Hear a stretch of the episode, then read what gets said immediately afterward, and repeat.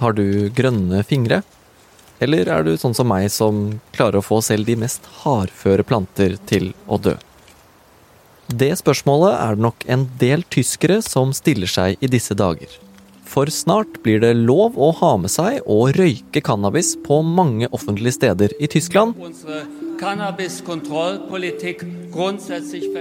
Men bare hvis du har planta den selv. Eller fått innpass i en helt spesiell klubb. Er dette starten på en grønn bølge som kommer til å skylle over Europa? Kanskje til og med helt opp hit? Du hører på Forklart fra Aftenposten, hvor vi tar for oss én nyhet i hver episode. I dag om Tysklands nye cannabislov. Det er onsdag 28. februar, og jeg heter David Vekoni.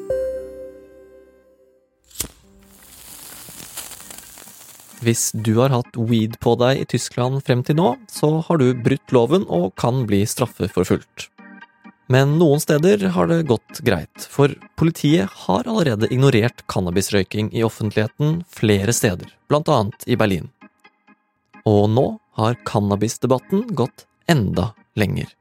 Det har vært en heftig debatt om avkriminalisering av cannabis i flere år i Tyskland, og det ble også opphetet stemning i det tyske parlamentet da loven skulle diskuteres forrige uke. 50 gram Cannabis, getrocknetes Cannabis zu Hause Kommen zu Sie bitte zum Schluss, Herr ja, sehen jetzt schon, weil Sie so auf Studien stehen, Ontario, dass in Kanada... På den ene siden så har du eh, politi og legegrupper og eh, en del konservative politikere som uttrykker bekymring for, eh, for at dette vil føre til mer narkotikabruk. Andreas Slettholm, kommentator her i Aftenposten. Hva er det som ligger i de bekymringene? Altså, hva er det som kan være skummelt med å røyke weed? Nei, cannabis er et eh, skadelig rusmiddel med risiko bl.a. for avhengighet og svekking av eh, kognitive funksjoner, eh, spesielt hos unge, altså sånn evne til prosessering og hukommelse og osv. Og så er det jo da at uh, som et illegalt stoff så er man i befatning med kriminalitet og svart økonomi på, på en eller annen måte. På den andre siden av debatten demonstrerer weed-elskende tyskere med felles røykeaksjoner foran Brandenburger Tor for å kjempe frem legalisering. Ja, det er jo en eh, litt sånn bred allianse. Noen som er veldig sånn opptatt av liksom det liberale elementet. At man må liksom likebehandle rusmidler, eller i hvert fall legge til grunn skadepotensialet. At eh, mer harmløse rusmidler ikke bør straffes hardere enn ting som er mer skadelig. Men det, kanskje den bredere diskusjonen, og det som har gjort at denne debatten har fått vind i seilene, er jo dette spørsmålet om straff virker. Altså at man tar utgangspunkt i at eh, rusmidler er skadelige og uønsket, og at man må eh, kontrollere det og prøve å, å begrense skadene på en eller annen måte. Men spørsmålet er om, det å møte det med bøter og fengsler egentlig gjør situasjonen bedre, eller om den egentlig gjør den verre, da. Og da er jo et tilleggspoeng at man kan også få redusert denne svarte økonomien og, og innslaget av organisert eh, kriminalitet. Og denne måten å tenke på har jo nå fått en eh, seier, på en måte. Ja, på en måte. For nå har tyske politikere vedtatt at det blir lov å røyke cannabis på mange offentlige steder fra 1. april. Og ikke nok med det. Fra da av vil også alle over 18 få lov til å gå rundt med opptil 25 gram cannabis ute i offentligheten. 50 gram hjemme. Så ganske mye weed. Det er ikke sånn at denne loven gir et sånt helt eh, frislipp eh, når det gjelder bruk. Eh, det kommer fortsatt til å være ulovlig å, å røyke cannabis på områder nær skoler og idrettsanlegg. Og så er det da veldig strenge restriksjoner på det å få tak i cannabis. Og vi vil ikke ha liksom disse coffeeshopsene som man kanskje kjenner fra Nederland, f.eks. Hvordan vil det funke, da, den distribusjonen?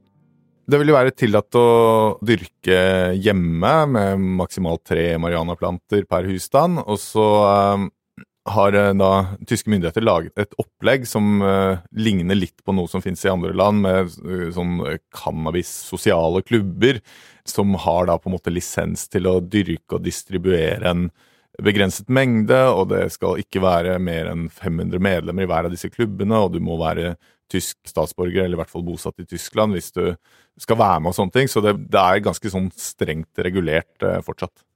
Så du må på en måte ordne det sjøl, da. Men hvis noe av tanken med det her er å bekjempe det svarte markedet, eh, er det her riktig måte å gjøre det på? Ja, dette er jo et eh, sånn gjennomgående problem. At du kan si at i, i teorien, da, hvis, hvis, det viktigste er å liksom få bekjempet uh, all den uh, organiserte kriminaliteten og svarte økonomien og narkotikakartellene i Sør-Amerika og alt dette her, så tilsier jo det da at uh, da bør jo alt på en måte inn i helt sånn parallelt i Vinmonopolet, og, og staten bør inn og, og dyrke kokain og, og, ta kontroll over verdikjedene, da. Men samtidig så, så ser man jo at det også er problematisk og vanskelig, og det, det vil jo være et, en veldig stor liberalisering. Sånn at eh, det er i hvert fall veldig få land som, som, er helt der, men som da ender du på en måte med et litt sånn merkelig kompromiss, hvor det på en måte skal være lov med cannabis, men det skal være veldig vanskelig å få tak i. Tyskland er ikke det eneste stedet det har vært en rusdebatt de siste årene. Hele regjeringen står bak reformen, men noen står litt lenger bak enn andre. Men her hjemme er det faktisk mulig at politikerne går i motsatt retning.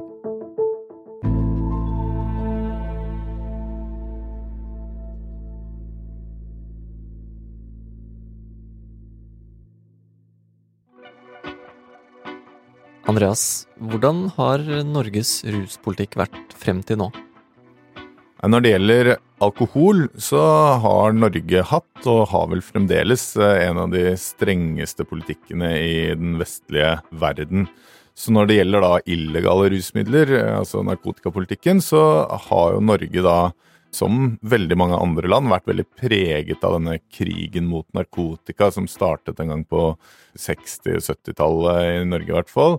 Og så har man holdt på denne eh, tanken om at det er viktig å møte dette problemet med strenge straffer og sterk politiinnsats veldig lenge. Men utover 2000-tallet, og delvis inspirert av en del andre land i Europa, så har det vært en dreining i debatten hvor man i hvert fall har begynt å se på en del narkotikabrukere først og fremst som folk som trenger helsehjelp, rusproblemer som i større og større grad et sosialt eh, problem, og at den justispolitiske dimensjonen har blitt nedtonet. da, At man er mindre opptatt av å straffe. Og kulminasjonen av hele den prosessen og endringen i tankegang, det var rusreformen. Ja, rusreformen. Vi opphever altså straffansvar for bruk og besittelse av mindre mengder narkotika til egen bruk.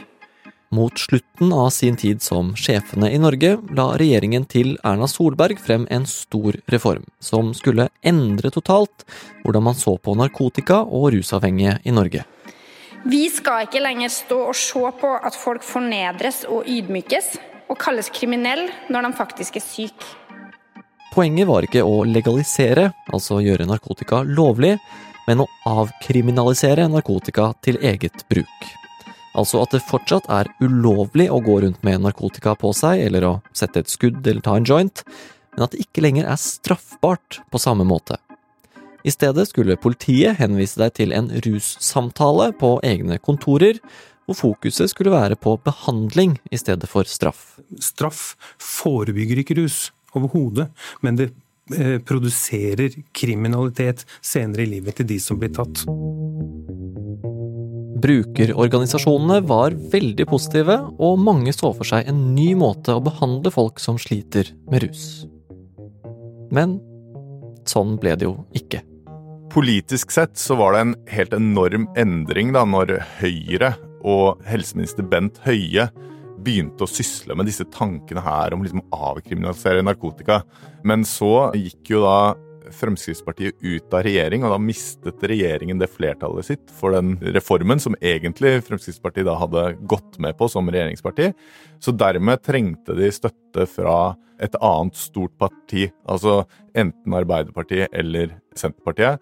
Og Senterpartiet var dønn imot, og Arbeiderpartiet hadde et eh, veldig dramatisk landsmøte i 2021, eh, hvor de da til slutt eh, endte på nei.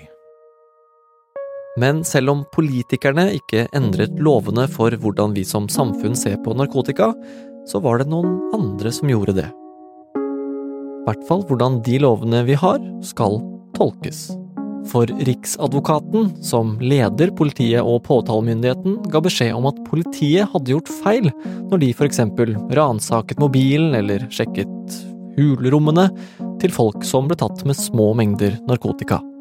Fordi dette er ganske bagatellmessige lovbrudd, mens de metodene er ganske inngripende. Det må være en balanse der, og der eh, var Riksadvokaten veldig klar. Og dette ledet jo da til, eh, jeg vil si, stor frustrasjon i politiet, som eh, følte at de mistet verktøy som de tidligere hadde hatt. Litt senere kom også Høyesterett på banen, og endret hvor streng straff man skal få hvis man er rusavhengig og blir tatt med narkotika. De slo fast at rusavhengige ikke skal straffes for å ha narkotika til eget bruk, da inntil fem gram heroin, amfetamin eller kokain. Så tolkningen av lovene vi har, er endret. Men hva skjer med ruspolitikken fremover? Nei, regjeringen eh, har jo varslet en ny reform som de kaller for en forebygging og behandlingsreform. Og samtidig så er det da veldig stor uklarhet rundt hvordan politiet egentlig nå skal jobbe med brukersaker rundt narkotika, hva de egentlig kan gjøre. Sånn at de har også satt ned et utvalg om politiets verktøy for å bekjempe narkotikabruk. Og der eh, signaliserer de ganske forskjellige ting. Eh, Senterpartiet, sammen med egentlig Fremskrittspartiet og Kristelig Folkeparti, er veldig interessert i at politiet skal få mer muligheter i møte med narkotikabruk enn det de har nå, mens Arbeiderpartiet virker eh, langt mer skeptiske til det. Så det er en mulighet for at vi egentlig går i motsatt retning av Tyskland, da, hvor det nå er blitt lovlig med i hvert fall cannabis, hvis Senterpartiet sine signaler stemmer?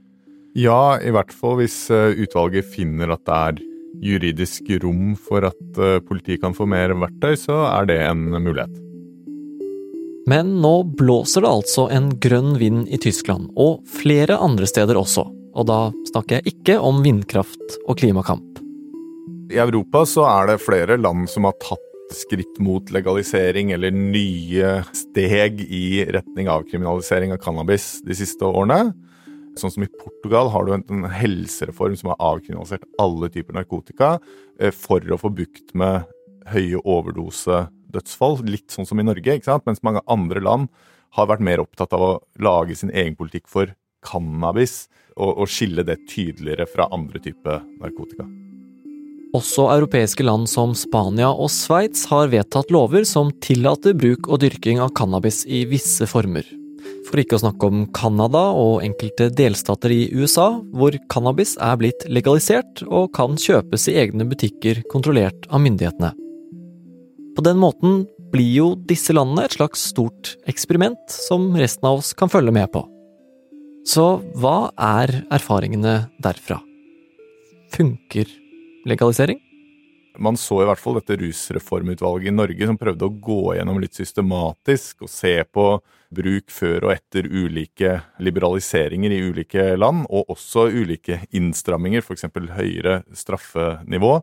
Så så man jo at det var ikke noe mønster overhodet. Altså den derre sammenhengen mellom at hvis du innfører strengere eh, reaksjoner, så får du ned bruken, og vice versa, den stemmer ikke. Og det ser du jo egentlig både i Norge og Tyskland, at bruken av narkotika, cannabis spesielt i Tyskland, har jo gått veldig mye opp de siste ti årene, mens de fortsatt har straffepolitikk. ikke sant?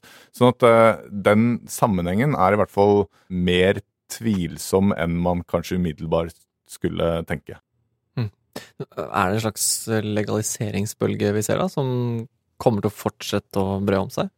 Det er jo lett å tenke det, og det er nok eh, på noen felter, f.eks. i synet på rusavhengiges behov for å bli møtt med hjelp istedenfor straff og sånn, så tror jeg det er en holdningsendring som er kommet for å bli, og sikkert kommer til å fortsette. Man kan godt se for seg at uh, politiske vinner kan snu den andre veien igjen også, ikke sant. Nå er det i Tyskland, så har jo det konservative partiet, som er det største opposisjonspartiet, sagt at de kan komme til å snu denne legaliseringen igjen hvis de kommer til makten neste år. Men så ser du, i hvert fall i Norge, så ser du at uh, den tanken om at uh, straff er den beste måten å regulere f.eks. cannabisbruk på, den, er, den, står mye svakere nå i hele befolkningen, ikke bare i sånn rusliberal Oslo-boble, enn den gjorde for 10 eller 20 år siden.